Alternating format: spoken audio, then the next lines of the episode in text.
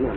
هل تقرأ المرأة في الصلاة الجهرية جهرا كما يقرأ الرجل حيث حدث خلاف بين أناس من طلبة العلم وقال بعضهم صلوا كما رأيتموني أصلي فهذا للمرأة والرجل نرجو بيان الحق بذلك.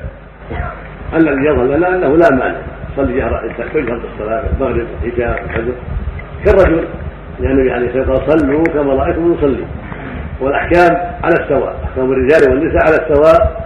إلا ما جاء الدليل يخصه.